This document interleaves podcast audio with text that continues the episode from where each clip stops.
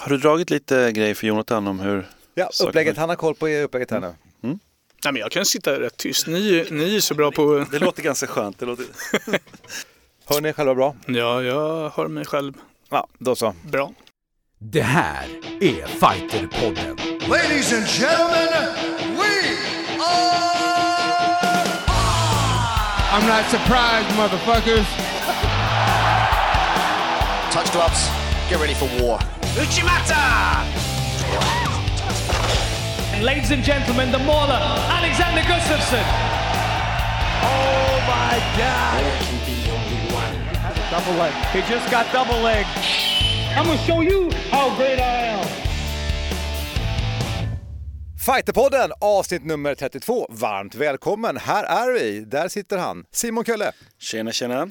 Jag heter Mårten Söderström. Idag är vi utan eh, Hansa Wiklund som, eh, han har ju tre jobb nu. Han kör ju dels Veckans brott med GV, som jag tror dessutom är över nu, så jag vet inte om han hittar på. Och sen kör han ju morgnarna på Mix Megapol och sen säger han att han har ett tredje jobb. I don't know. I don't så ska know. han få in lite träning och lite ja, familj och lite sånt där. Så det blir... Ja, mm. så är det. Vi är i en ny studio just idag. Det är, så här, det är totalt ointressant information för en lyssnare att vi är i en ny studio, men det är lite annorlunda. Vi sitter ner.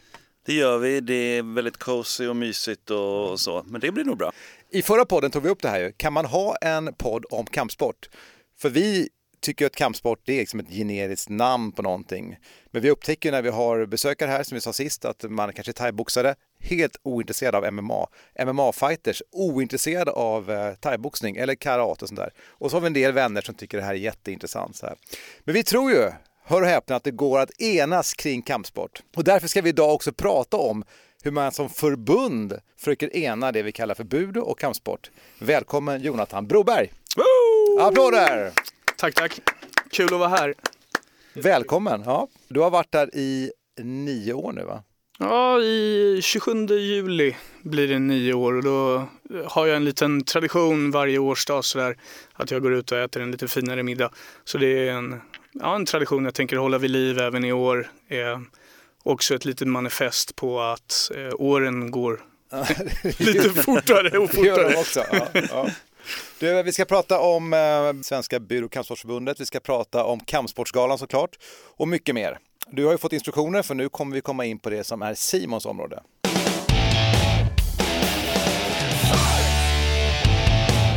Simon, det handlar om kampsportsnyheter i eh, korthet, man det som har varit och det som kommer. Absolut, och jag måste självklart börja med den stora triumfen Ili Latifis vinst mot OSP. Vad säger du om den Jonathan? En fantastisk vinst. Alltså, eh, för mig lite överraskande men ändå inte. Uh, Ilir har ju ett oerhört game i sig och alltså äh, det, det, jag, blir ju blödig, det vet ju du också Simon ja. sen, sen tidigare. Men alltså, jag, jag har lätt till eh, tårar eh, och när jag satt hemma här eh, och, och, tittade på det här så eh, rann det faktiskt. Alltså så otroligt, otroligt fint att just Illir får den här framgången tycker jag. Kan du berätta lite varför, varför tycker du det? det? Det är klart jättekul, alla svenska fighters, men vad är det som gör Ilir så speciell för dig? För mig så är det ju, ja dels så har ju Illir i, i princip liksom haft en utveckling ungefär som jag i förbundet. Alltså vi har gått hand i hand lite grann. Hans genomslag kom ungefär när jag började. Han gick väl på Rumble of the Kings eh, som jag såg på Hovet tror jag det var. Då gjorde han en fantastisk match, eh, mötte en, en japan. Men jag, jag minns att han förlorade den matchen. Eh, och eh, sen, sen har han liksom han har utvecklats eh, hela tiden va? och har fått svårare och svårare matcher. Och, eh, han, han, är verkligen dedikerad eh, och lever den här livsstilen fullt ut. Och är alltid så otroligt ödmjuk och trevlig när man träffar honom. Och, eh, glad och, och, och, och, fin på många sätt. Och inte liksom den av de största orden kanske, eh, men visar ett otroligt hjärta för, för sin idrott som är, eh, eh, för mig berör det jättedjupt. Men, alltså, men den här vinsten var ju, det var ju någonting med den här, alltså med tanke på alla hans motstånd, men OSP var ju en rejält tung motståndare så jag var riktigt nervös. Det är ju inte bara för att han är svensk fighter utan det var historien och allt det här va? och så vinner han matchen. Det var ju som att när Sverige tog EM-guld, man skriker. Hur tyckte du om matchen Simon? Alltså det var ju, de var ganska avvaktande till att börja med, vilket är väldigt rimligt. Och Ilir var lite så här, jag var lite, lite orolig att han gjorde fel. Alltså, det var lite så här, han borde vara väldigt, väldigt nära eller var väldigt långt ifrån. Och han, de stod på någon sorts mellanavstånd eh, avstånd liksom. Och det, är inte- där, är, där är OSB väldigt, väldigt farlig. Men det var, OSB var väldigt tydligt hade väldigt respekt för, för Ilish Ja. eh, liksom styrka och det bör nog alla ha i den viktklassen. Han är oerhört stark. Och, men OSB har en väldigt farlig alltså, doja verkligen. Alltså, hans sparkar är otroligt farliga. Så att, eh, ja, skulle OSB ta det någonstans så var det just på den avstånden. Men, men, men Ilir gick in och, och, och ströp ut honom och verkligen ströp ut honom också. Ja, det var bästa. Bästa var det. Ja, det var det härligt verkligen. Eh, jag ska gå vidare lite på lite tråkigare nyheter. Det är inte så många kanske som känner till Bruce eh, Connell, eh, men han har gått bort. Det, det är lite så här inside-grej för det är de som verkligen har varit nära UFC som vet vem han är. Men han är, han är alltså producent, producerat 300 UFC-galor och han ligger bakom till stor del UFC-konceptet, alltså tv-konceptet, det som är liksom... Hela formatet ja. Hela precis. formatet, precis. Och alltså 300 galor bara. Alltså det är helt bisarrt. Så att inför UFC 222 då så höll ju Joe Rogan ett tal till, Ja. till honom där han liksom började Men gråta. han var ju ett, så gråtmild. Alltså det var ju... Ja men de har varit arbetskamrater väldigt länge, de var nära vänner och han dog i alla fall helt plötsligt. Det är liksom, det är en verklighet som finns. Så, så rest in peace Bruce. Någonting som var väldigt intressant där, det var det att eh, även Bellator, Mm. de hade ju gala helgen. Då tog även de faktiskt upp och hyllade Bruce. Wow. Eh, man tänker att de ändå är största konkurrenter liksom. För att de har kopierat så mycket från UFC så att de... någonting. Ja, nej, men å andra sidan är det lite så här, det är en liten värld. Mm. Och det är ju lite ungefär som en djurgårdare, Jonathan i Djurgårdare till exempel, skulle hylla då en, en eh, så att säga sann idrottsman, det vill säga en AIK-are. Eh, nej, nej, men skämt åsido, så eh, du skulle hylla en motståndare liksom. Ja men oh ja, alltså eh, AIK hade ju ett tragiskt bortfall Ja. för ett par år sedan och hela, hela idrottsfamiljen egentligen, eh, fotbollen verkligen inkluderad, eh, stod ju upp och, och, och visade sin sorg och, och så. Så att idrotten förenar ju. Ja men verkligen, så Ja, är det ju. ja. Och det är, det är fint när det sker liksom. På tal om Bellator då, så Bellator 195 var som sagt i helgen och då var det Dar- Darion eh, Ca- Caldwell, inte så många som känner till Bellator. Vi har pratat om det där förut, i Sverige hänger inte så många med i Bellator-svängen, men han är alltså bantamvikt, eh, har bältet i bantamvikten där. Han försvarade det mot Le- Leandro Higa som Higo på en giljotin. Så att han fort, de fortsätter trumma på liksom, och de har ju haft väldigt många bra fighters i Bellator som men, men ofta så ska man bli riktigt, riktigt känd, då behöver man nästan vara champ där eller, och inte ens det kanske räcker. Man måste vara i UFC liksom. Nej, men jag tänker i Sverige, här är ju många fler som känner till förmodligen Superior Challenge Mm, än att man tänker Bellator. Eh, ja, men så är det ju garanterat. Jag tror att, ja men verkligen, helt bra liknelse. Eller Cage Warriors, whatever. Liksom. Så är det ju. UFC 222 har vi ju haft då och där eh, Chris Cyborg behöll bältet fjärde vikt efter att ha slagit Jana Kunitskaya och det var ju, vad ska man säga, Kunitskaya var ju alltså den största underdogen någonsin i UFCs historia. Men när, man, när de ens gick in i ringen, n- när du såg det Jonathan, när de stod där, trodde du att hon hade en uh, chans mot Cyborg? Nej. Nej. Alltså, för mig, Alltså- när när de bara ställde sig tänkte jag så här, hur ska det här gå till? Hon har ju blicken, alltså hon har ju den här ryska blicken att det här kommer inte vara några problem. Men nej då. Den ryska blicken, du får gå in på den någon annan ja, ja. ja men det är den här sambo-självsäkerheten liksom, som de har. Jo men verkligen. Nej men och dessutom är hon...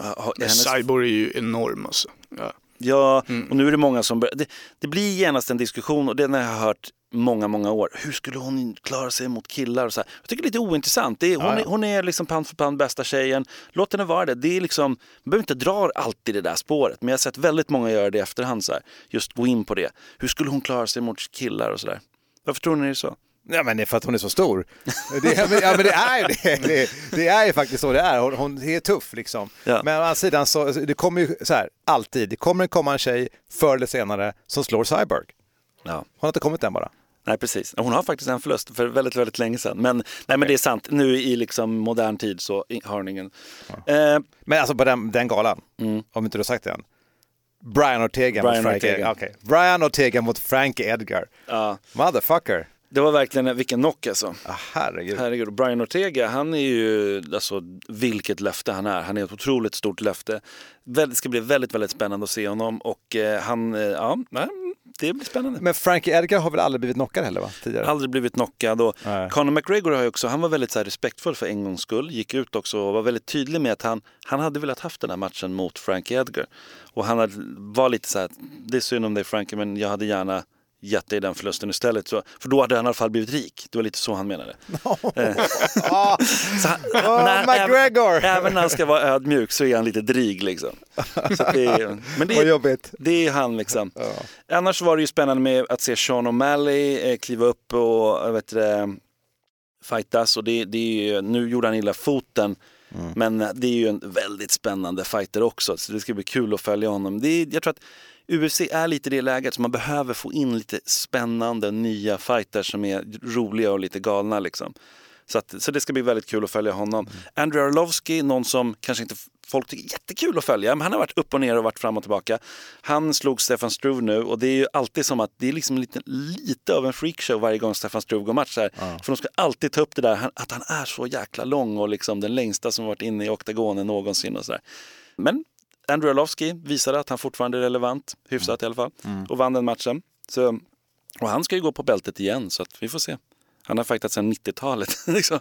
det, nej, Men det här är ju sista rycket nu, det är verkligen sista rycket det är för det. Arlovski. Han har blivit knockad tio gånger, Andrew Arlovski. Alltså. Det är Så kanske att de man ska fundera på om man ska göra något annat. Ja, jo, verkligen. Ja, men det är så många säger, men, men liksom han, han behöver förklara varje gång. Ja, men nu såg ni, jag har nämligen, jag har ingen glashaka. Liksom. Så han får alltid dra den, det snacket. Liksom. Kathleen Vieira såg vi också. Fortsatte, lyckades hålla sig obesegrad då hon va- vann eh, på domslut mot Kat Zingano. Sådär. En del spännande fighter var det också på underkortet där. Mike Pyle avslutade sin eh, väldigt långa karriär. Apropå lång karriär, då har han haft en väldigt lång karriär. Han, han förlorade dock, så det blev inte hans, liksom, den här riktiga grejen som han ville ha. Han ville ju sluta med en vinst, liksom, men tyvärr blev det förlust. Och sen är det Mackenzie Dern också som jag måste nämna, grappling esset som, som slog Ashley Yoder på delat domslut. Det var lite märkligt att det blev delat domslut, men Skitsamma, hon är inne nu i UFC, hon visar att hon har stora hål i det stående men hon är ett enormt grappling S. Alltså det är verkligen så spännande ska det bli att följa henne. Eh, av galans alltså 12 matcher slutar fem stycken på delat domslut. Wow. Det är ganska jämna matcher i UFC nu för tiden. Det är det. Så det, det är spännande. Eller är det det? Vill man ha knockarna och avsluten? Alltså, nej, e- egentligen inte. Jag, jag vill inte riktigt ha det. Jag, jag har hellre faktiskt de här jämnare eh, bataljerna med, med lite taktiskt rävspel och, och sådana bitar. Jag, jag, jag gillar lite låsta matchtyper eh, faktiskt. Alltså det beror på vilken match det är tycker jag. Om, om, det är, om det är en match man tycker är spännande så får det inte ta slut för fort. Nej, jag menar det. Du vet exakt, alltså där vet första knocken efter eh, en minut. Jaha, vänta nu, jag har ju laddat upp här. Jag har gått upp mitt i natten, det gör jag inte för jag kollar alltid på repriser, men jag har ju MMA-frukost, det är det jag kör hemma. Ja, frukost. Men det är mysigt. Det är mysigt. Om vi flyttar oss lite till Sverige så har det ju varit, vi måste gå tillbaka, det känns ju som att det var år och dagar sedan, men SM i thaiboxning måste vi prata om faktiskt. Det var ju en väldigt lyckad tillställning där, skånska Lomma. Var du där Jonathan? Nej, inte i år tyvärr. Jag hade förhinder i sista stund. Jag skulle gärna åkt, såklart. Eh, Jag satt och tittade på webbsändningen istället. Ja, men det är bra, det var bra. Eh, men det är ju en, eh, det är ju en Lomma. Vad är, vad är Lomma mest känt för, Mårten? Det ligger nära Bjärred.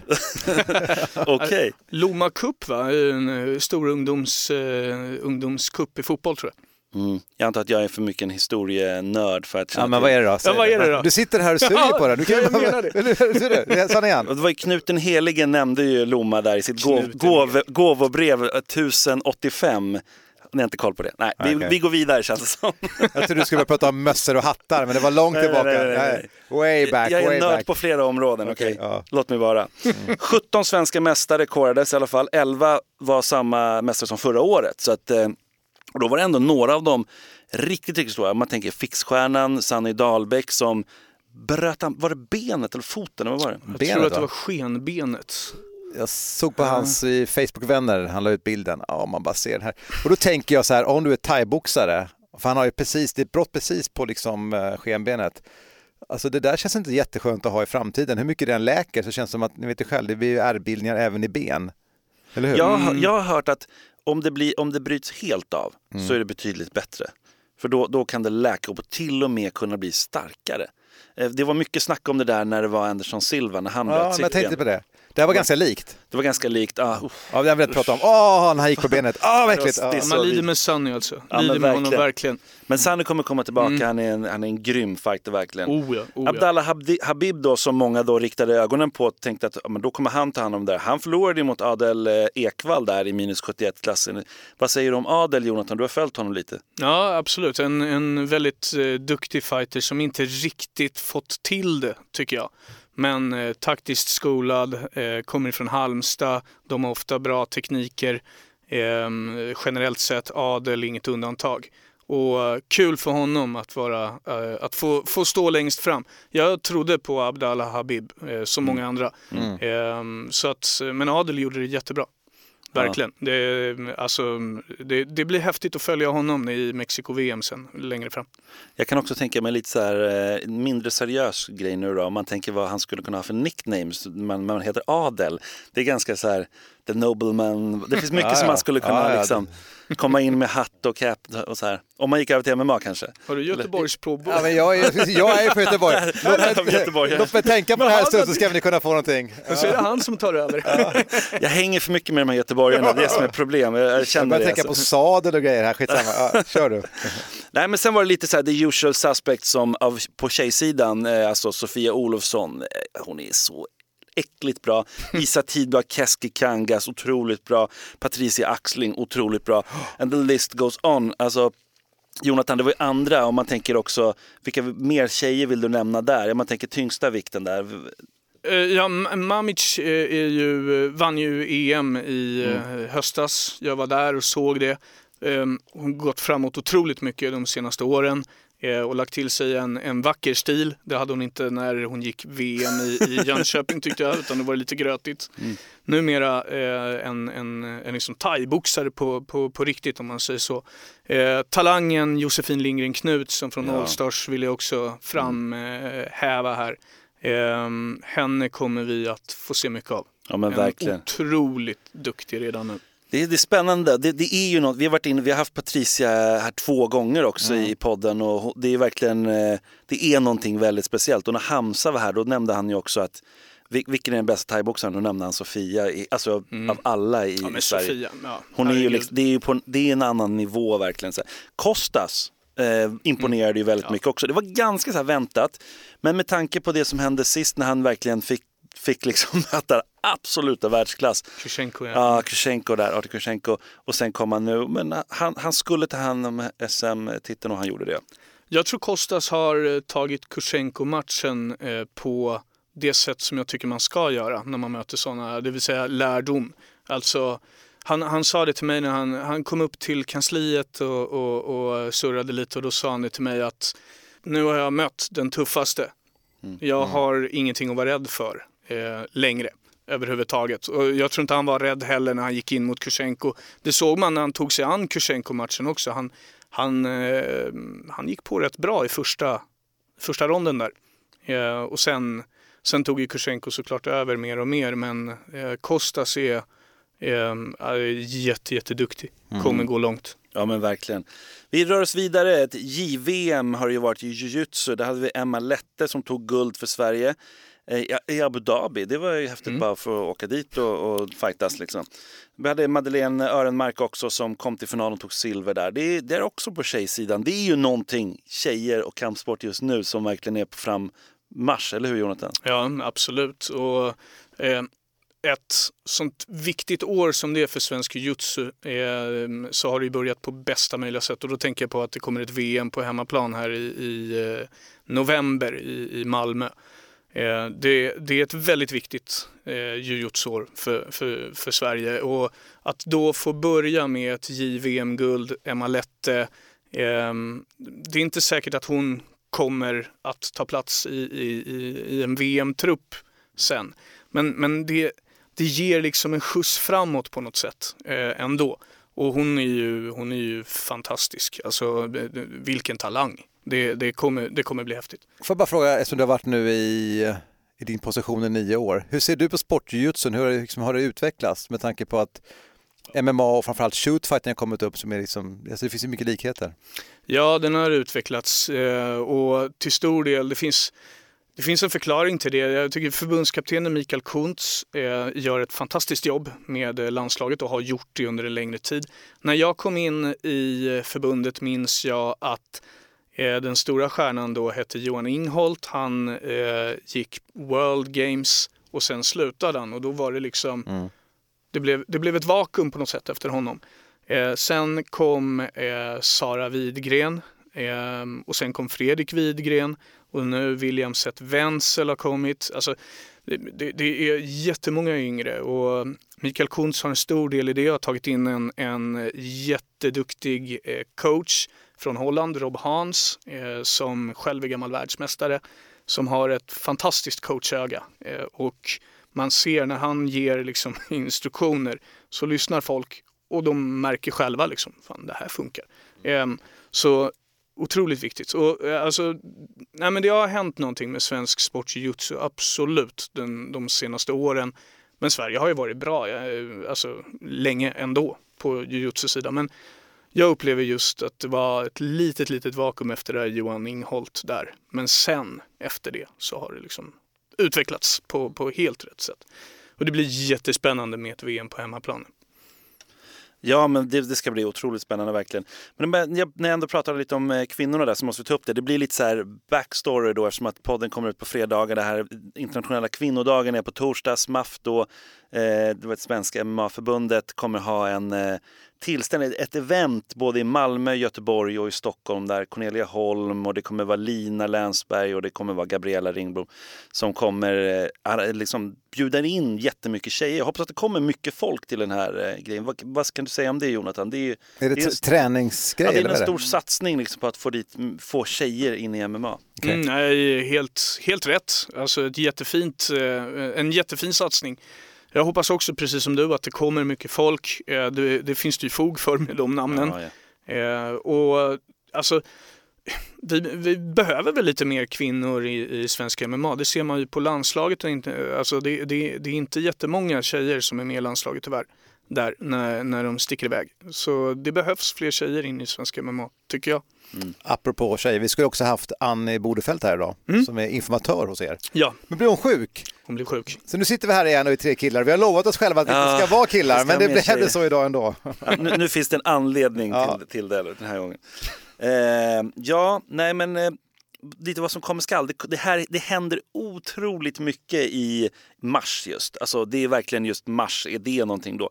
Vi har dels Kampsportsgalan som vi kommer att prata om snart, 17 mars.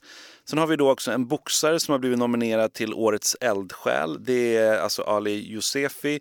Som, han är både ungdomstränare och boxare själv då. Så det ska bli väldigt kul. Det är kategorin integration. Så det kommer vara en tv-sänd gala i mitten av mars där han kommer då satsa. Så det är alltid kul när det kommer upp kampsportare. Vi, mm. vi täcker ju all, försöker täcka liksom all kampsport här i podden. Så att då är absolut boxning en del i det. Liksom. 23-24 mars då har vi SM i karate i Solnahallen, eh, gammal, gamla hederliga Solnahallen. är, det, är det traditionell karate då? Alltså är det Shotokan? Eller vad är det, alltså, det är inte Kukushin, för den tillhör ju då mm. eh, Kampsportsförbundet, så de har eget SM, men det är all annan karate. Mm. Jag, det tror jag i alla fall att det är, all, de Ja, det, de claimar att de har alla annan karate. Men det, det är Karateförbundets SM helt Precis, enkelt. det är deras SM. Mm. Mm. Eh, Exakt. Kyokushin hade ju sitt SM i, i höstas, det, ja, det första. Mm. De har ju alltså blivit, de blir bättre och bättre på Karateförbundet ska säga. Det är ändå väldigt gediget förbund som var stor, stor del av Kampsportsförbundet en gång i tiden tills de gick ut efter massa rabalder. Det finns en hel halv, halv bok om det där man kan läsa. Har du skrivit den eller? Nej, den har inte, den har inte jag skrivit, men eh, det är Stefan Stenhult som har varit med och skrivit den, ja, tidigare ordförande. Men den, där står om alla liksom rabalder, det var, det var, mycket, det var intrig, alltså Game mm. of Thrones som det har varit inom Taekwondo-förbundet, det var ju liksom ingenting nästan eh, mot vad det var i Karateförbundet en gång i tiden. De har tvättat det där ganska mycket, de har jobbat väldigt mycket, men de har varit dåliga på att få dit liksom sändningar, att man vet, filmar deras matcher. De har då, varit dåliga på att kapitalisera lite på det här. Mm. Man tänker att karate var enormt stort på 80-talet. Om de bara hade liksom tagit tag i den här sporten på riktigt som MMA gjorde sen senare till stor del då.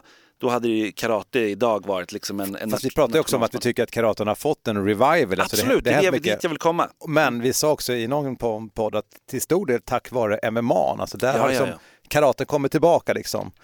Ja men verkligen. Så det är kul. Och Oliver Enkamp kommer vi också nämna snart, det är apropå karate då. Ja, precis. Och MMA. Ja. Såklart liksom. Eh, men taekwondo nämnde jag, där de haft Game of Thrones och sen hade vi, då, vi hade dem på, som gäster tidigare, Jonathan, de fick då snacka ut om det där och det var ganska skönt. Men samma helg som karate-SM, då är det faktiskt taekwondo-SM också. Deras är inte i Solna utan i Skellefteå. Så om ni gillar taekwondo så kan ni sticka upp till Skellefteå. Sen har vi SM i armbrytning och det är lite så här, är det kampsport, är det inte kampsport? Det är med i Kampsportsförbundet men därför tar vi upp det. Det är ju 260 anmälda Jonathan, stämmer det? Ja, rekord eh, enligt eh, det, eh, den infon jag har fått. Då. Jättekul. Jag, jag var själv på eh, ett SM för ett par år sedan. Eh, i, det var på Ekerö eh, utanför Stockholm. Det var första gången som eh, armbrytarna hade ett SM då när de låg hos oss i vår regi. Ett otroligt trevligt event eh, och alltså härliga typer alltså som håller på med det. Eh, Sta- starka. Otroligt starka. Otroligt starka. Eh, och eh, alltså armbrytarna är bra. De, de är välorganiserade och, och de, de är duktiga på att, som du säger, kapitalisera. Alltså, och, och göra en liten kommers av, av sin idrott. Och det, det, alltså de har kommit in i vårt förbund med en, med en väldigt bra energi där. Eh, och jag tror att eh, många av våra idrotter kan lära sig en hel del av armbrytning alltså. Vad heter den här lilla byn där? Storuman, Nej men är det det den heter? är det den du tänker på? Nej jag tänker på, är det inte Ja, nej, nej, ensamheten. ensamheten? Precis. där är alltså, det är helt bisarrt ju. Ja, ja. De är så bra på armbrytning i en jätteliten by liksom. Har ni, har ni inte sett den här dokumentären om det så ska ni verkligen passa på att göra det. Det är Hei- Heidi Andersson ju världsmästaren där och sen så kusinen till henne, Fia Reisek, blev ju också världsmästare. Ehm, så det, det, ja, det, Och deras pappor Alltså, och fan när deras... ni två kommer igång nu, jag känner jag hamnar ju på läktaren här alltså. Ni och namn, alltså det är ju som två stycken uppslagsverk, det är sjukt. Ja, nej men eh, tackar, tackar. Eh, I helgen så har vi också eh, Swedish Open i Wushu som vi ska nämna tycker jag. Eh, och eh, 17-18 har vi Nordic Open i BJ eh, i Nacka. Så att alltså herregud vilken månad Bra månad, Och, det är liksom, och det är bara i Sverige. Sen har vi då UFC, där har vi ju massa nyheter från UFC också, kom, vad som komma skall. Derek the Black Beast Lewis, han har utmanat Francis Ngannou. Vem vill utmana Francis Ngannou? Och han har kört på det här ganska fula eller lite roliga grejen. Han har kört att han är, jag vill, han vill ha matchen innan Francis fyller 50. Ganska skön diss kan man tycka liksom. Och väldigt modigt att, att dissa Francis Ngannou om inte annat liksom. Eh, vi, ni nämnde ju Brian Ortega tidigare han kommer få en titelmatch efter den här fantastiska segern mot Frank Edgar. Det kommer bli mot Max Holloway. Eh, Volkan Ostemi ryktas att han kommer möta Glover Teixeira men han, eh, han har själv utmanat Alexander Gustafsson vilket antyder att den matchen är inte riktigt klar. Och det där skulle vi kunna ha en helt egen podd om. Diskutera vad, Wow. som, vad som händer nu i topp fem i lätta tungvikten Ja. i UFC. Det, eller hur? Det är liksom... Ja, men framförallt, jag har ju kommit tillbaka till det varje gång och sagt, vad händer om Ilir och Alex får match? Och du säger du, nej det kommer inte hända, de är samma De tar, de, tar, de tar inte den matchen. Nej, men det kan ju hända. Ja. Ja, men han är etta och tvåa, vad händer då? Då måste de mötas. Ja, men exakt, exakt. Ja. Ja, nej, men det är ju 17 mars, då, då är den efterlängtade galan i London, alltså UFCs gala där och då kommer vi äntligen, det är ju äntligen få se Oliver Enkamp där, men det är ju Francis, eller Fabricio Verdum som möter Alexander Volkov annars i huvudmatchen. Och sen kommer Jimmy Manu, han har blivit liksom lite adopterad svensk då kan man säga eftersom att han tränar på Allstars mycket. Kommer möta en helt onödig match mot Jan, Jan Blauwicz. Alltså det är för att Jimmy måste gå en match liksom. För det är, så- han har redan slagit Jim, eller, heter det, Jan Blauwicz och det är liksom, men de ska gå en match igen. Antar att han behöver lite pengar i fickan liksom. Men du, Olivers match då, hur ser du på den? Den är spännande, det är ju verkligen eh, häftigt. Det ju, han möter Danny Roberts och det de har gemensamt, Danny Roberts och Oliver Enkamp, det är att båda har precis kommer, kommit från en förlust mot Nordin Taleb. Så att eh, Aha, så det, är är det lite, ja. det är så de förenas. Oliver gick ju hela den fighten ut, det var ju domslut liksom, han förlorade på. Men Danny Roberts gick 59 sekunder, sen blev han eh, knockad, om jag minns rätt. Jag tror att det var 59 Jag har sekunder. dålig, jag har dålig koll på Dan Roberts. Alltså. Jag vet ju, men när Olvik sin, sin match så såg han ju så liten ut. Alltså, han såg ju så mycket, han såg Han gjorde det. en storlek mindre liksom. Ja, nej men alltså Danny Roberts har, har, en, har en del eh, BJ, han har några submission-vinster men han är absolut mest känd för sin boxning. Han är en ganska renodlad boxare egentligen. Och han hade problem mot, eh, mot Nordin Taleb. Men alltså, vem, det är ganska många som har problem mot Nordin Taleb. Men vad tror du att det kan bli en stående fight för Oliver? Eller jag tror han- det Ja. och jag tror, att, jag tror att Oliver är bättre egentligen på alla delar. Mm. Och eh, han kommer verkligen kunna få chansen att visa det. Och nu har han fått förbereda sig i god tid för en gångs skull. Och han, det känns som att han är glad. Han har ju varit på väg hit och komma till podden hur många, många gånger som helst. Han tränar och tränar andra. Och, alltså det, det är så mycket i hans liv just nu. Så att, Och, och vi har ju haft hans brorsa här, Jesse, i en kamp. Liksom. Alltså, Ja. Den familjen är helt galen. Den- Det är en karatefamilj. Alltså, det är, alltså, de har ju, jag frågade, vi frågade Jesse i en kamp, hans brorsa när han var här, när de började träna karate. Alltså det var han i mammas mage. Alltså de har tränat sen han var... Det är helt otroligt. Sparka i magen liksom. Ja. Annars är det väldigt mycket... Sparka i magen. Bra, du är rolig Simon! Jag försöker köra Göteborgsgrejen. Liksom. Annars är det väldigt stor hype. Vi kommer komma tillbaka till den galan många gånger. Men jag måste ändå nämna det. 223an, alltså UFC 223, där Khabib kommer möta Ferguson. Den och Johanna Jędrzejczyk kommer också gå match. Hon kommer ju möta Rose Namajunas i en rematch där. Men där, där vill jag säga det nu att eh, Sabit Magoma- Magomed Shapirov kommer gå... Vad heter han, sa du? Eh, Magomed Shapirov. Det är så sjukt. Sabit Magomed Shapirov.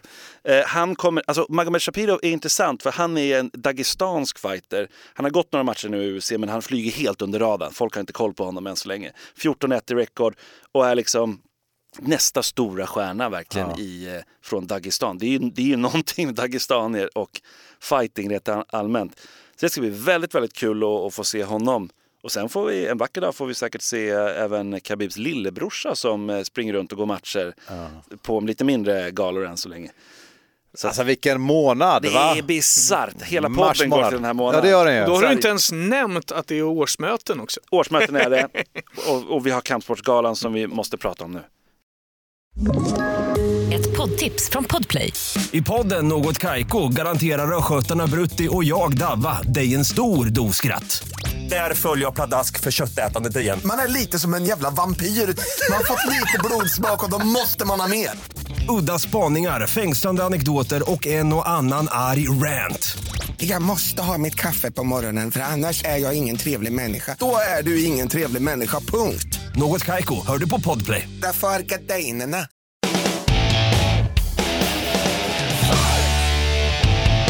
Fighterpodden, Jonathan Broberg är här, informatör på Svenska Bud och Kampsportsförbundet.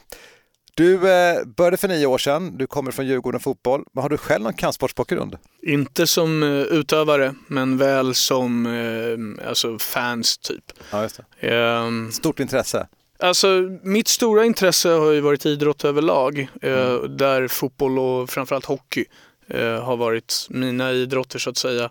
Och sen den tid som har liksom kunnat, den, tid som har blivit över efter det har, har jag gärna tittat på kampsport. Eh, absolut. Men skulle du kunna säga att, eh, skulle du se själv att du har bidragit till förändring, som sagt, i nio år sedan? För jag tänker när jag växte upp, som också har varit i föreningar, vi har varit anslutna till Kampsportsförbundet, till Budförbundet på den tiden som det hette, då var det något annorlunda. Det var väldigt svårt att få det kopplat till Riksidrottsförbundet. Även om vi var under så var det så här, det där är något speciellt. är Jag vill speciellt. bryta in där faktiskt så att inte Jonathan får svara riktigt på den frågan. För att det är alltid svårt att själv säga att man har skapat en stor förändring. Men grejen är att Jonathan, jag kan säga det då, har gjort en enorm grej under de här nio åren. Alltså man kan verkligen inte understryka det. Eh, och jag, jag har inte ens eh, betalning av Jonathan för att säga det här. Så, att, så det, det kommer verkligen för hjärtat. Nej men alltså på riktigt, Stefan Stenud som, som tog in Jonathan, de två gjorde otroligt mycket tillsammans. Sen har Jonathan liksom du har lärt en hel kår utav kampsportare, massa underförbund, alltså hur man jobbar mot media, du har jobbat upp liksom sporter och det, det är liksom Nej, men att göra det till, en till, till en Ja. idrott tänker jag också, att det blir Ja. det. Inte bara att det är någonting speciellt annorlunda, där är de här som håller på med direkt. Man måste tänka liksom väldigt brett och det tycker jag du har gjort Jonathan. Ja, Det är otroligt fina ord, tack för dem. Eh, Alltså, jag hoppas ju att jag har bidragit med någonting. Jag tror att man ville ha mig en gång i tiden. Stefan Stenudd och jag, alltså, vi klickade väldigt bra. Eh, jag kommer, jag kommer aldrig glömma liksom, när jag kom upp eh, på min anställningsintervju och vi, alltså min, en av mina släktingar låg eh, på sjukhus. Jag hade klätt upp mig lite och Stefan sa första, det första han sa var ju liksom Oj, du behöver inte klä upp dig för oss. Eh, typ. Nej, men det har jag inte gjort heller, sa jag eh, och så skrattade vi. Eh, och sen fortsatte det som ett, alltså, ett samtal mellan vänner. Liksom. Det var som att jag hade känt eh, Stefan väldigt mycket längre än vad jag hade gjort. Eh, han tittade lite på mina, mina eh, arbetsmeriter och sen så började vi snacka media och lite poesi. Och, ja. men, men, när du satt där, det här är intressant ändå. Vad sa han till dig, hörru nu om du ska ta det här jobbet där, det här förväntar vi oss av dig? Han sa att de vill eh, åt den kunskap som jag kunde ha med mig från fotbollen. Eh, han sa att eh, gör ungefär det du har gjort på fotbollen eh, och så kommer vi att lära. Alltså, måste ha sagt också, det, det här förbundet alltså, är jävligt rörigt måste han ha sagt. Vi nej. behöver någon som kommer in och styr upp det. alltså, det sa han. han är inte kvar längre så nej, du kan vara helt ärlig Jonathan. nej, alltså Stefan är en av de absolut ja, skönaste personerna jag har, har haft att göra med och har en stor anledning till. Han, han och Mona är en stor anledning till att jag landade i förbundet överhuvudtaget. Mm. Mm. Och det, sen liksom potentialen som fanns i, i, inom, inom de här idrotterna det, alltså, och, och den till, eh, eh, tilliten till, till idrotten och, och, kunskapen som folk sitter inne med. Eh, det, det trakterade mig alltså. Jag, jag, blev väldigt lockad av det. Och jag blev väldigt lockad av att eh, liksom, Eh, vi, vi, vi var väldigt snabba med att göra en, en klar mediestrategi, eh, jag och Stefan. Vi, vi satte upp en tioårsplan eh, på att vi skulle nå ut med våra idrotter inom tio år och det tyckte vi då på den tiden var eh, ganska optimistiskt. Offensivt. Ja, offensivt. jo, men man ska också komma ihåg att det fanns ingen som hade gjort det tidigare. Nej. Alltså, det, det finns ju inom, inom fotboll och så här, men inom kampsport. Tänk om karaten hade haft en tioårsplan en gång 1982 liksom. Då hade det, det, hade, det hade varit enormt. Ja, men det är alltså. det jag menar. Om man, om man ser till fotbollen så är ju den så otroligt stor. Alltså det, det, går inte att jämföra sig med fotboll det går, för oss här i Sverige om man, om man tittar medialt sett.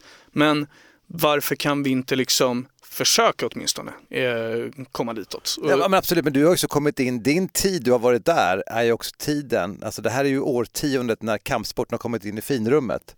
Absolut, jag har haft eh, väldigt flyt på det sättet. Alltså, det, ja. det måste jag ju också... Han är så ödmjuk den här Det är fint av det, men, eh, nej, men det, det hänger klart att det hänger ihop också med att ja. MMA kommit och vi har svenska framgångar där Men det är ju inte så, alltså, än en gång, när jag växte upp så var kampsport något liksom speciellt udda och idag kan du gå in på Nordic Wellness och så har man liksom kampsportsträning och liksom, man tränar thaiboxning, man det är ganska naturligt va? Ja. ja precis, men jag har nog rätt svårt att sitta här och säga att eh, tack vare mig eller mitt arbete så finns det på... Alltså, det, den, den kopplingen är väldigt svår. Så jag tror att det, alltså det är många olika krafter det här eh, mm. som har eh, dragit åt samma håll på något sätt. Och allting, allting grundas ju i eh, den kunskap och den attraktionskraft som kampsporter har överlag. Mm. Och det jag kanske har bidragit med då är att ge folk en liten knuff, en liten hint om att hallå, titta, titta åt vårt håll. Liksom. Eh, men, men ta lite grann, bara för lyssnarna kort här, alltså hur, hur stort är eh, Svenska bud och kampsportsförbundet? Vi är 42 000 medlemmar, eh, fördelade på 28 idrotter numera. Eh, och numera? 15 under Numera ja. Eh, det var 29, eh, men MMA och shootfighting har slagits ihop till ja. en och samma idrott.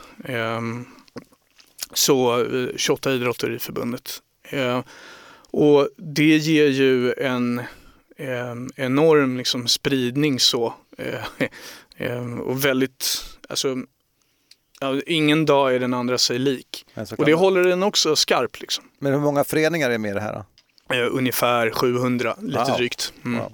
Och det är den vägen som ni finansieras också då? Är det föreningsavgiften? Eh, alltså, vårt förbund finansieras till största del av eh, det statsstödet man får då, som ett eh, SF, eh, alltså ett specialidrottsförbund eh, inom RF. Så det är egentligen vår största inkomstkälla. Så. Du ser att Simon har massa frågor, jag måste bara fråga en fråga till. kör, kör, men, men hur särskiljer ni budo och kampsport? Hur gör man det förresten? Ja, det är en väldigt bra fråga. Alltså, eh, Ja, eh, egentligen så var det väl så att eh, Budoförbundet en gång i tiden startades som Judoförbundet. Eh, sen lämnade judon och fler och fler budoidrotter togs in eh, och då blev det ett budoförbund. Eh, och sen under Eh, Ehm, ja, Wushon var med också på eh, väldigt tidigt så det var ju liksom budo, budoförbund och vursun. man så. Alltså, eh, budoidrotter och vursun var med. Eh, och sen ehm, under ehm, en tid så kom ju kickboxning in eh, i förbundet och sen Eh, Erik Åsbrink tog över som, som ordförande och då öppnade han upp möjligheten för eh, liksom MMA och thaiboxning och de här att komma in också.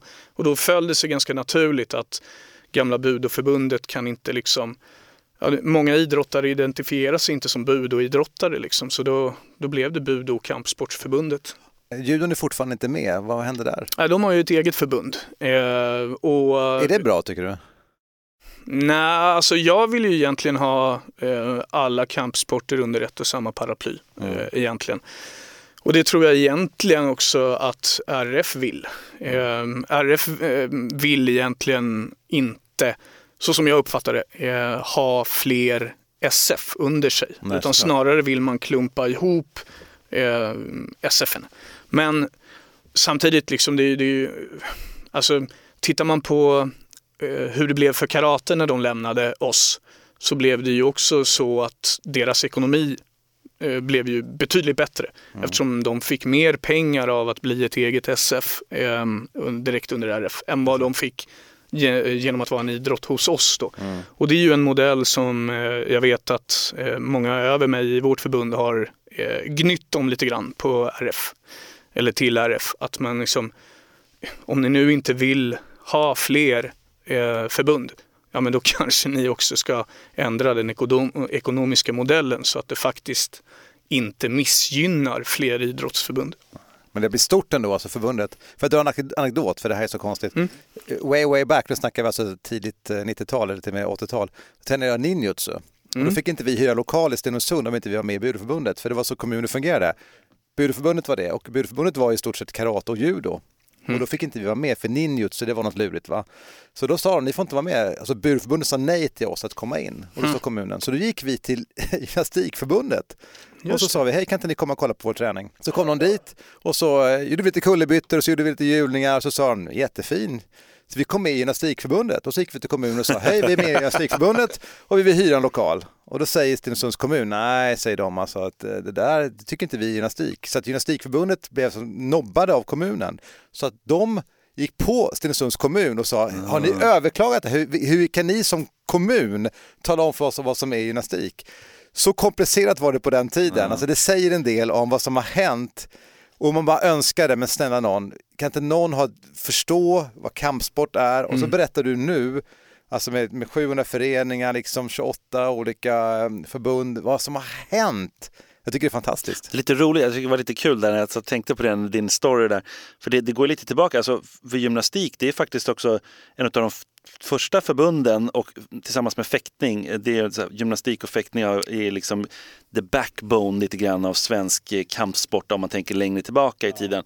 Så här, nu pratar jag liksom slutet av 1800-talet, så här, det är någonstans där och om man pratar ling, om vi verkligen ska gå in och nörda. Så, liksom, Vad är liksom- ling?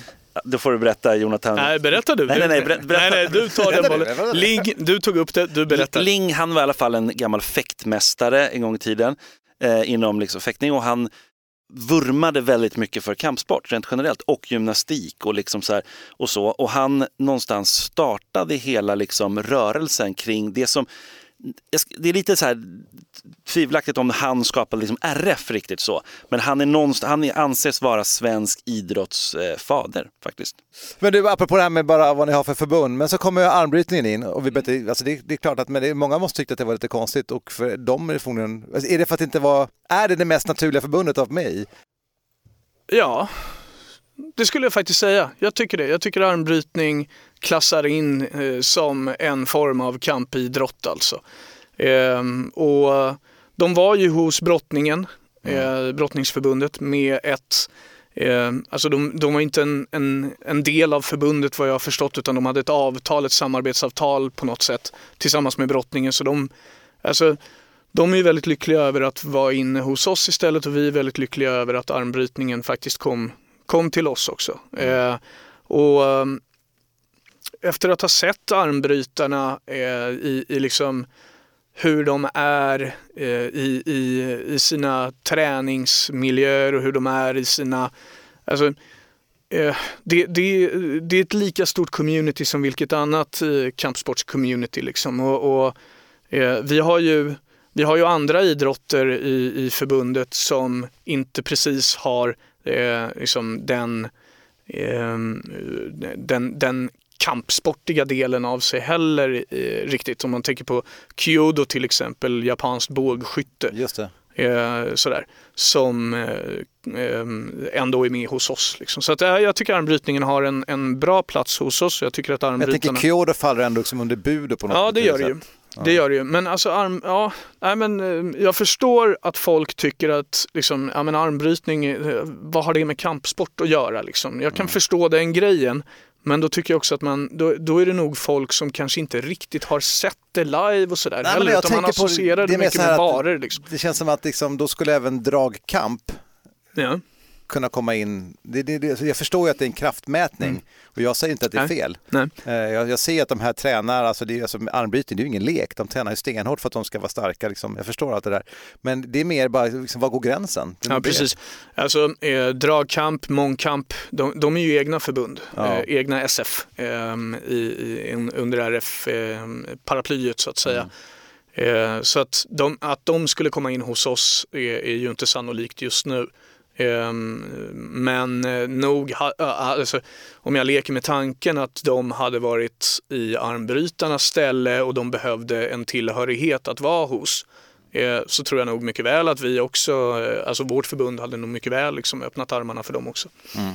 Mm, man kan ju också tänka sig så här, all kraft, alla kraftsporter liksom och sånt också. Om, är det kampsporter? Så, så någonstans måste ju gränsen gå. Jag ja, det är klart. Att, jag vet att det, det, är lite sämre liksom, åsikterna jag såg, nästan lite trollåsikter. Det var ju så här, vad är nästa grej? Gyttjebrottning liksom. Var det någon göteborgare som drog liksom. Vadå göteborgare? Ja, det var göteborgare.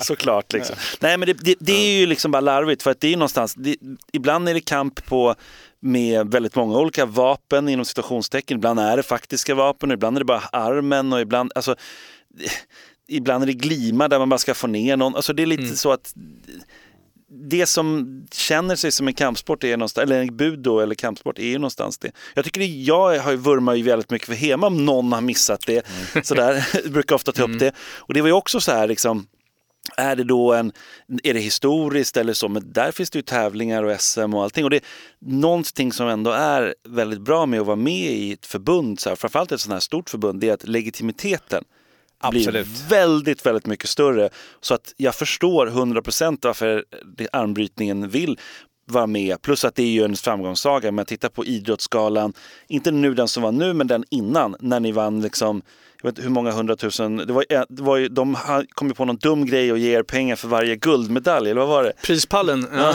precis. Eh, dum grej för dem, bra grej för oss. Ja, alltså en väldigt bra grej, en otroligt bra grej. Eh, och en, en väldigt nobel sak ja, ja, eh, att, att göra. Det, det vill säga, alltså, och eh, vi... Men de gjorde inte om det om man säger så? Jo, jo absolut. Gjorde de det? Ja, ja men, den, den, finns kvar. Alltså, men de outade det inte lika stort? Kan ni bara förklara för, för lyssnarna här nu? Mm. Ta ja, det blir internt nu, förlåt. Ja, eh, nej, prispallen eh, skapades av, eh, alltså som ett projekt kan man väl säga lite grann av Svenska Spel. Initierat i alla fall av Svenska Spel. Där eh, det utgår en prispeng, en prissumma per eh, vunnen internationell eh, officiell mästerskapsmedalj, typ EM-VM. Ja. Eh, och den prissumman per medalj har varit 10 000 kronor. Och första året vann vi 54 medaljer enligt deras räkning så det blev ju eh, då 450 000. Eh, och sen, eh, eh, de har delat ut det tre år nu, eh, tror jag. Och vi har ju vunnit den medaljsammanställningen två år och kommit tvåa ett år. Så 10 000 per medalj? 54 medaljer första 540 000 alltså? Ja. ja. Eh, Bra. Ja, det är, ju- det är ju otroligt bra. räknat. Ja, och, Det var han sa 450 000 så Ja, jag var du har tvungen. varit tvungen. Det är, Ja, liksom, ja, nej, nej, jag vill bara det, så det, ihop det det. är Messerschmitten Nej inom men dig. lägg av, jag vill bara veta. Men, ja, gre- men, nej, men obligation var ju att man skulle göra en, eh, att pengarna skulle gå tillbaka till eh, barn och ungdomsidrott då. Så därav kunde vi starta det här projektet eh, Motorik, Physical Literacy, som vi har gjort i förbundet nu. Eh, där vi på något sätt är eh, lite ledande i Sverige så, eh, med eh, ett ett synsätt på träning som jag tror många förbund kommer att applicera och många idrotter kommer att applicera längre fram. Men vi ligger, vi ligger längst fram i bräschen där för, för det vill du projektet. bara kort ta om det? Vad, vad innebär det sa du? Alltså, i, I runda slängar så är det ju alltså, ett banbrytande synsätt på träning som kommer ifrån Kanada egentligen. Eh, och, eh, Träning för barn eller vad sa du? Nej. Ja, det, alltså, där har man riktat in sig för, för barn, men det handlar om att få folk i rörelse egentligen. Och då menar man ju då på med forskning att 90 av, eh, av alla rörelser eh, lär du dig eh, innan du är 11 år. Eh, och lär du dig de rätt rörelserna så ligger du väldigt bra till för att fortsätta röra dig på rätt sätt även i, i äldre åldrar. Så eh, det här är väldigt liksom forskningsbaserat så i Kanada där alla eh, eller många instanser i samhällena där har gått samman och tror på det här och man ser en, en stor förändring där. Eh, och vi har då med hjälp av de här pengarna kunnat starta ett, ett lite liknande arbete som vi tror, som vi tror på. Det, det är ett slags läsförståelse fast för rörelser. Mm, Det är väldigt, väldigt intressant. Jag har ju tagit upp det också, men Jag du kanske det. inte minns det på, som en nyhet. När det var pratar ju så otroligt mycket, Simon, Framför, är det? framför eh, folk i rörelse, är det så? Ja, det är ett annat projekt. Det är ett annat till och med, det är inte Ja, kopplat till det, den. nej, det kommer, ifrån, eh, det kommer ifrån RF och Svenska Spel. Just det. Och där har ju vi också slutit ett avtal med dem. Det är spännande. Och där vi har två ambassadörer då, eh, Fredrik Widgren, jujutsu och Patricia, Patricia Axling. Men var ärlig. Jonathan, var ärlig. Namnet. Framåt. Framför folk i rörelse. Framåt för det, det, fler det i finns rörelse. någonting lätt tyskt över det hela och jag är halvtysk så jag får säga så. Eh, vad säger du Jonathan? Jag, alltså jag blir lite glad för jag, Mm. jag, får ju, jag får ju associationerna till full fart framåt. eh, Ja, jo, som ja, har en, det hade en, en, vara- annan in, eh, en annan innebörd för mig. Men den stora heta gröten, Mårten, kom igen nu. Kampsportsgalan! Ja!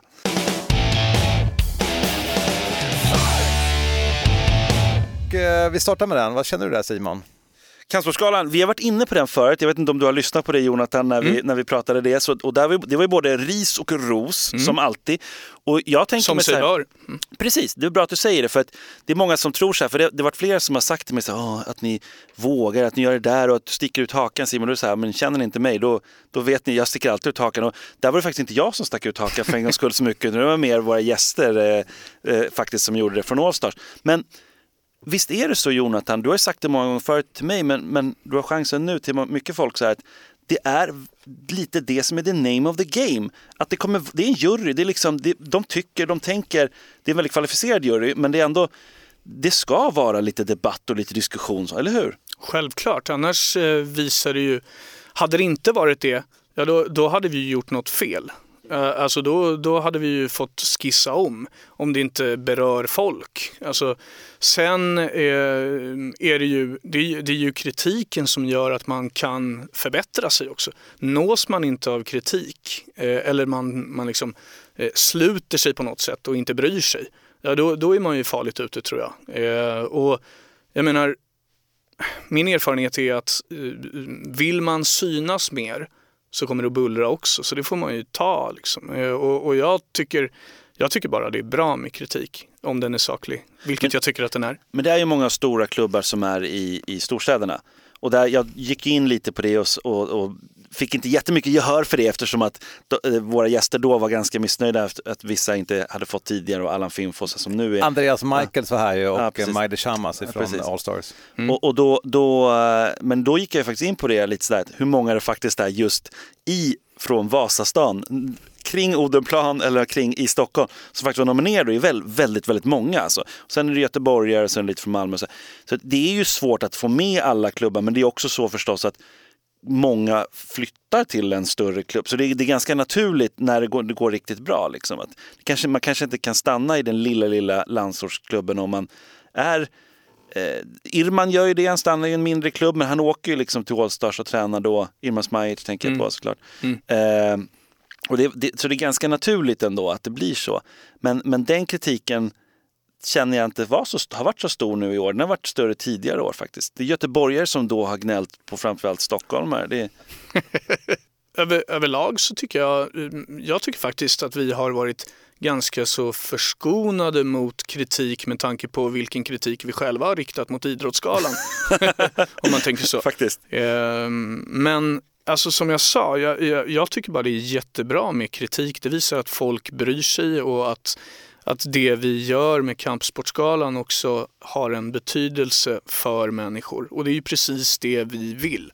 Sen eh, hörde jag, eh, jag tror det var när du intervjuade Stefan i den här Mm, podden, Eh, när Stefan Stenudd sa att man får passa sig lite bara så att de här priserna inte betyder för mycket för Nej, folk så nej. att det skapar osämja i familjen. va? Och det, det, det, det är en viktig del Nej, men att tänka kan, på. Ni har säkert tänkt på det när, när hela kampsportsgalan ska, skapades. Alltså, ett är det, alltså det är ju bara det är en samhörighet, att samla, Ja. samla utövare på en plats. Sen är det ju så här att man kan lägga till kategorier, man kan ta bort kategorier. Men jag tror att det, det man önskar är ju att, att vinna en kategori. Om du blir årets kampsportare så har du ju också ett medialt värde. Det är det man vill komma åt eh, såklart. Så att det i, i den hela sfären betyder någonting. Förhoppningen här är ju, och det kommer ta tid, för varje gala man gör så blir det lite större. Sen är det ju såklart så att liksom, om, om Alexander Gustafsson vinner årets kampsportare så är han redan etablerad, han är en profil.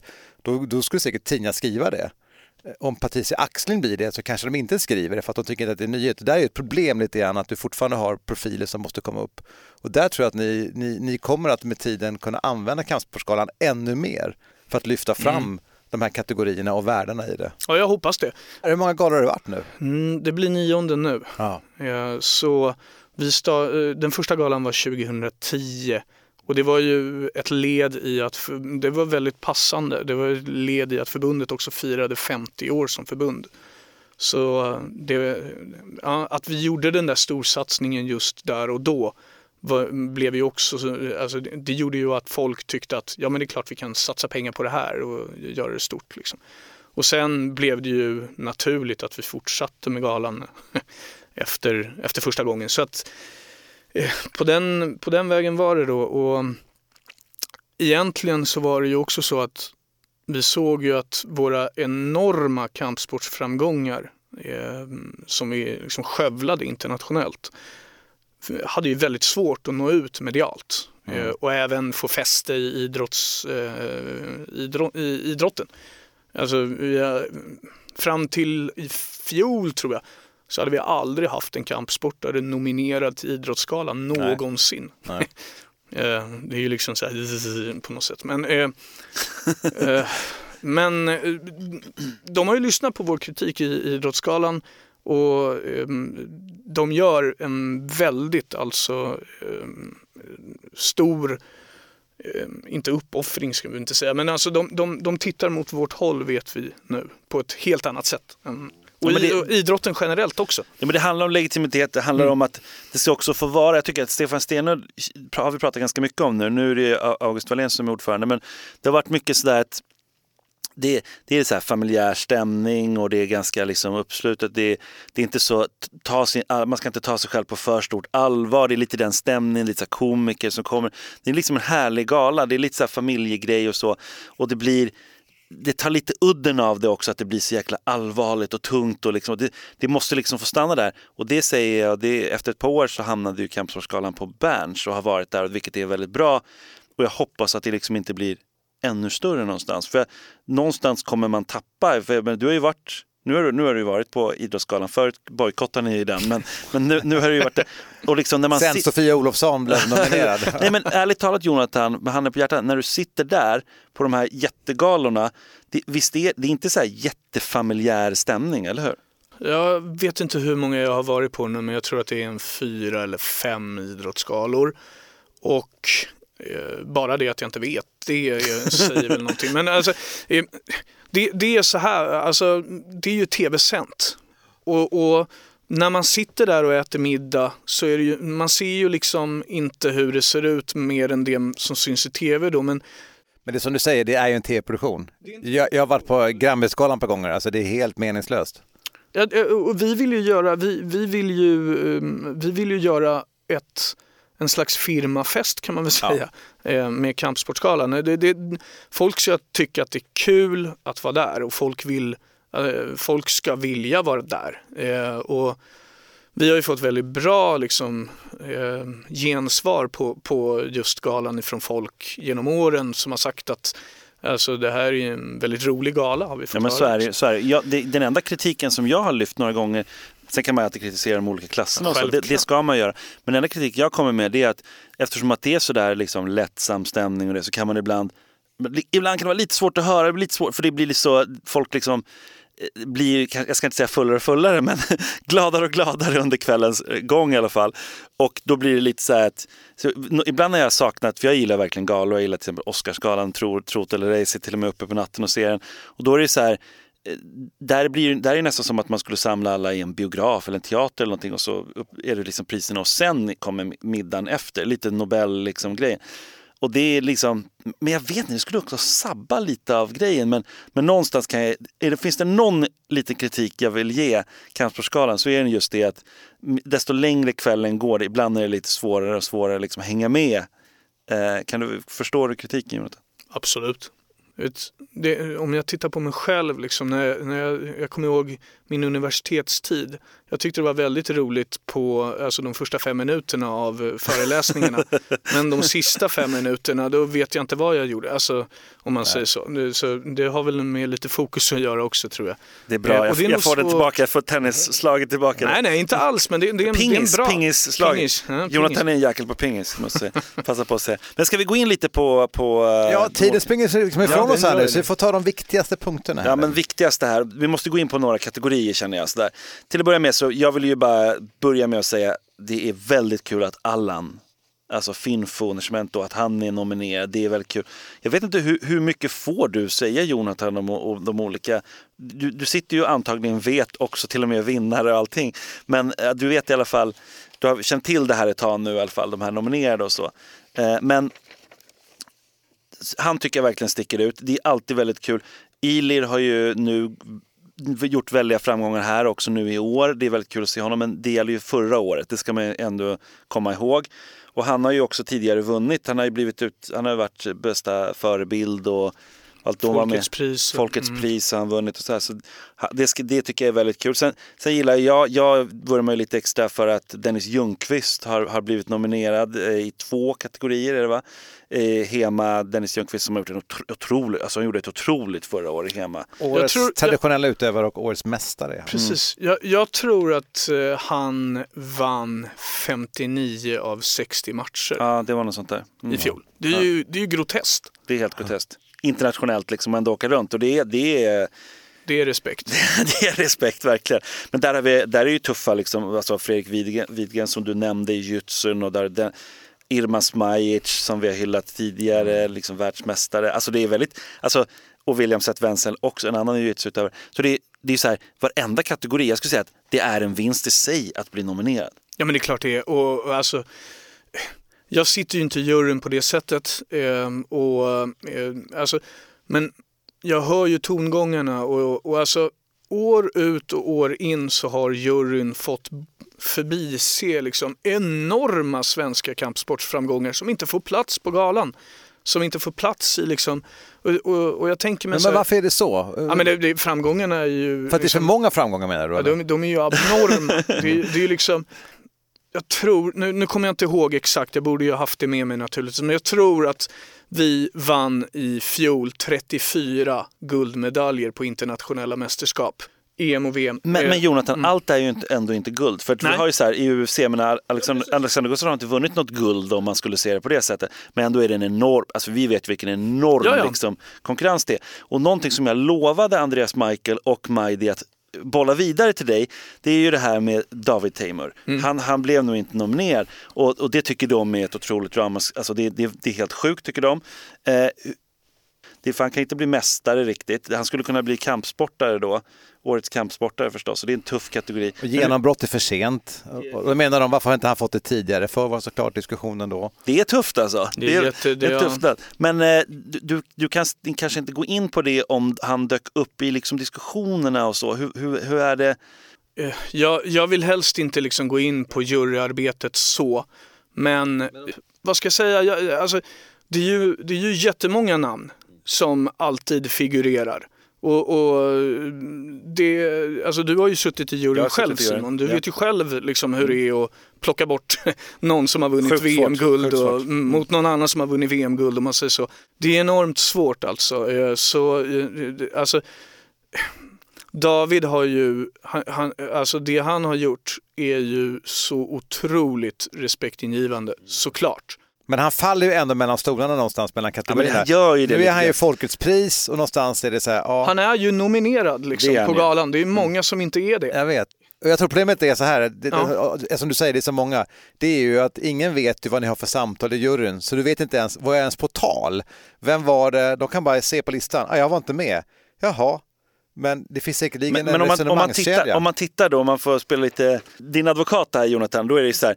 Allan eh, Finfo, världsmästare i BJJ, alltså, där är det snarare ramaskri. Nu är du på att- årets kampsportare. Årets kampsportare. Där är det snarare ett ramaskri att han inte har blivit tidigare. Och det, det kan jag verkligen tycka. Men det vill jag minnas att jag tog upp. Får jag prata om min tid i juryn? Har jag tystnadsplikt? Det är väl yttrandefrihet. ut. Att, Okej, för då vet jag att jag nämnde Finfo och jag, jag har för mig att han inte, var han inte kopplad till någon Ja, för jag vet att jag tog upp också Jack Hermansson och då, då var det att ni kollade och då tillhörde ju inte han, han, är ju svensk liksom men han tillhör en norsk klubb och då kan han inte bli nominerad sådär. Jag kommer inte ihåg alltså. Nej, Eh, skitsamma det men han- det, där är med, det, vilken fight, sen har vi Alexander Gustafsson, Patricia Axling och Sofia Olofsson. Det är liksom så här, två världsmästare och sen tre världsmästare och Alexander Gustafsson. Det är liksom dem. Ja, men alltså, det, är det jag menar. Det är helt Alltså, bisarrt. Men Om du kan- läser upp de namnen igen och så smakar man liksom på de namnen och så Men Jonathan, men, men. I, inom Oscarsgalan, där har de gjort så att det är så svårt att bara få ner det till fyra. Det det- det är upp till tio stycken som kan vara nominerade till bäst, årets liksom, bästa film. Då. Skulle det kunna vara någon grej på alltså att fler blir nominerade? Eller finns det någon nackdel med det? Bra fråga. Eh, vi har haft den frågan uppe förr eh, också. Eh, och vi har haft en fråga förr om eh, att kapa nomineringarna eh, Aha, också okej. i, i viss fall. Men vi har, vi har ändå kommit till den liksom, insikten, tycker vi, att det här formatet passar ganska bra. Mm. Eh, det måste vara en bedrift att bli nominerad också. Mm, mm, mm. Alltså, om, det måste vara ett innehåll, ett mervärde i att vara nominerad tycker jag också. Och eh, jag menar vi har jättemånga framgångar eh, nu. Vi vet inte hur det ser ut om tio år. Eh, men vi vet kanske att Kampsportsgalan kommer finnas om tio år. Eh, och har vi då inte liksom eh, de här jätteframgångarna då, ja då kommer det ju å andra sidan bli väldigt svårt att hitta sådana nomineringar. Ja, men så är det ju. Och någonting som jag måste, måste ta upp känner jag, det här är jätteviktigt för mig att säga, det är det att när jag satt med i juryn så var det inte så här PK, det var inte politiskt korrekt, utan det var verkligen så här, här har vi nu de här personerna, de här har gjort det här. Det var ingen så här snack om, okej den är den kommer från den här orten eller den kommer från det här eller det är en tjej fram, ska gå framför en kille eller något, eller så här. Det var inte så alls utan man tittade bara på prestationer och, och så. Och det, det gillade jag, för det var väldigt skönt att det var så. För annars hade jag varit lite mörkrädd. För det, det men det är ju väldigt lätt hänt i vårt samhälle idag att det blir mycket sånt. Att man, för det är ingen som vill känna det att "Äh, jag kom nog med bara för att jag liksom bor i Lomma och typ är tjej. Alltså det, den grejen vill man inte ha. Liksom. Utan man vill faktiskt vara från Lomma och vara tjej och vara bäst i världen i så fall. Men hörni, vi kommer få svar på det här. 17 mars är det va? Är du laddad för det Jonathan? Ja, jo, jo men det är alltså, det, det, det är mycket jobb fram tills dess. Ehm, och, och vi har ett årsmöte på dagen innan, eller på, på, på morgonen Samma samma dag. dag. samma dag. Så det, är ju, det är ju en härlig kampsportsdag, men det är också otroligt mycket jobb för oss på förbundet nu. Eh, och det är, alltså de, de andra på kansliet gör ju, de sliter ju mycket mer än vad jag gör egentligen de här, eh, eh, de, de här dagarna. Så, ja. Men nu är du här Jonathan. Nu är jag här. Jonathan Broberg och därför vill vi säga från Fighterpodden, du gör ett bra jobb. Det gör du verkligen. Tack snälla, det värmer men Alltså, jag känner lite, om jag får liksom eh, ta tillbaka det till, till mig, så känner jag lite så här att man önskar ju att man hade kunnat göra ännu mer. Mm. Hela tiden, varje dag. Eh, och, och, alltså, jag försöker verkligen vara tillgänglig i princip hela tiden eh, för alla möjliga. När man, när man tittar då på att våra idrottare, de, de, de sliter, eh, alltså utan betalning eller någonting. Många, många eh, betalar liksom sina egna resor till mästerskap. Alltså när, när jag känner mig lite hängig någon dag så brukar jag tänka på liksom vad våra idrottare går igenom. Mm. Och, och alltså, då är det ju bara så här, eh, fan upp med dig Broberg, det här, alltså gnäll inte. Liksom, och, och det måste man ha med sig. Alltså, våra idrottare är jävligt speciella på det sättet och vår, vår elit som jobbar, tränar mm. eh, och hela den biten. Det, det är djup respekt. Men Jonathan, även du är väldigt speciell. Hörrni, med de här orden så ska vi ta och knyta ihop dagens Fighterpodden. Tack än en gång för att du kom Jonathan. Tack snälla. Simon Kölle, vi ses om två veckor. Det gör vi. Jag heter Mårten Söderström och vill du kontakta oss, det är fighterpodden at fightermag.se. Och nu vet jag att du tänker som lyssnare, de här frågorna, ni har ju inte fått klar Nej. alla frågor ni skulle svara på. När Hansa är tillbaka, då dyker vi in i ytterligare frågor ifrån Fighterpodden. Folk vill ha svar de på dem. Jag har, det har kommit fler frågor. ja, det så det, det blir en frågepodd. Ja. Tack för idag. Uss! Uss!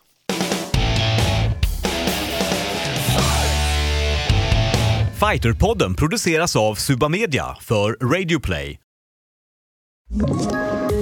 poddtips från Podplay. I podden Något Kaiko garanterar östgötarna Brutti och jag, Davva, dig en stor dos skratt. Där följer jag pladask för köttätandet igen. Man är lite som en jävla vampyr. Man har fått lite blodsmak och då måste man ha mer. Udda spaningar, fängslande anekdoter och en och annan arg rant. Jag måste ha mitt kaffe på morgonen för annars är jag ingen trevlig människa. Då är du ingen trevlig människa, punkt. Något Kaiko, hör du på Podplay. Därför är gardinerna.